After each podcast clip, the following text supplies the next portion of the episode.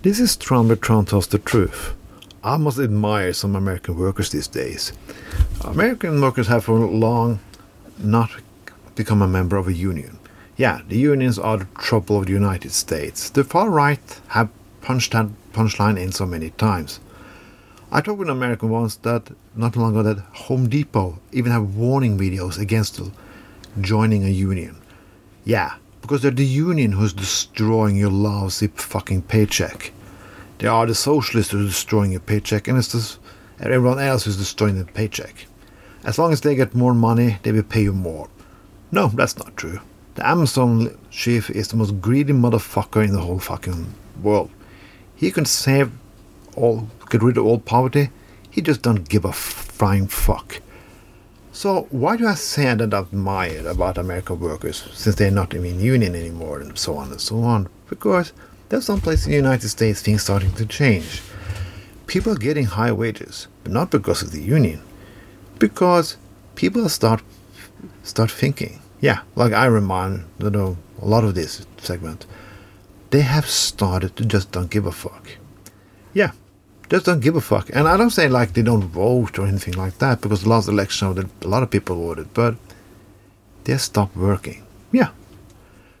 The richest people in the world are accustomed to having low pay people earning a lot of money for them. They don't want to pay for it. Everyone else in the society should pay for everything, but they should not pay for the people who create their fortune. If you say that to them, you're a socialist or communist or even worse, but that's their attitude. Now, McDonald's and places have to increase their wages to over minimum wage. Yeah, some places over seventy dollars. That was the amount when the progressives had that, that what what they had to pay. They got angry. Said, "Oh, we will be bankrupt. We cannot pay anymore. Oh, uh, society will go down." They had the money all along. They were just fucking lying to you. They were just fucking lying, like they're always lying. Where did they find the money suddenly? Huh? Where did the restaurants, the chains, the big corporations suddenly find the money? They had it. They're earning it. Bezos has been more millionaire, more billionaire, trillionaire now than he's ever been, thanks for the pandemic. Yeah, they had the money, they have them, the money, and they have the power to do what the fuck they want. So this is my suggestion to everybody.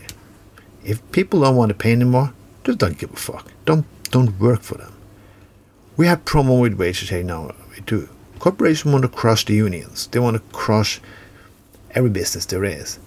But we have also the tool because during the COVID crisis, people started to enjoy other things in life, just to work, work, work, consume, consume, consume oh, I have to work more. I talked about this earlier.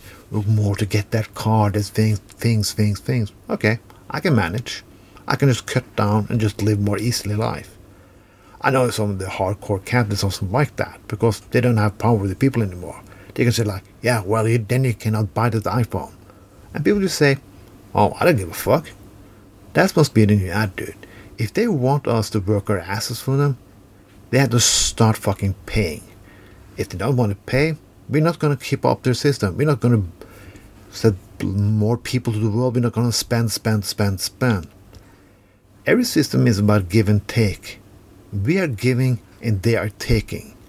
It's about cha- time to change. They have to start giving, or we won't give a fuck. This was Tron, but Tron does the truth.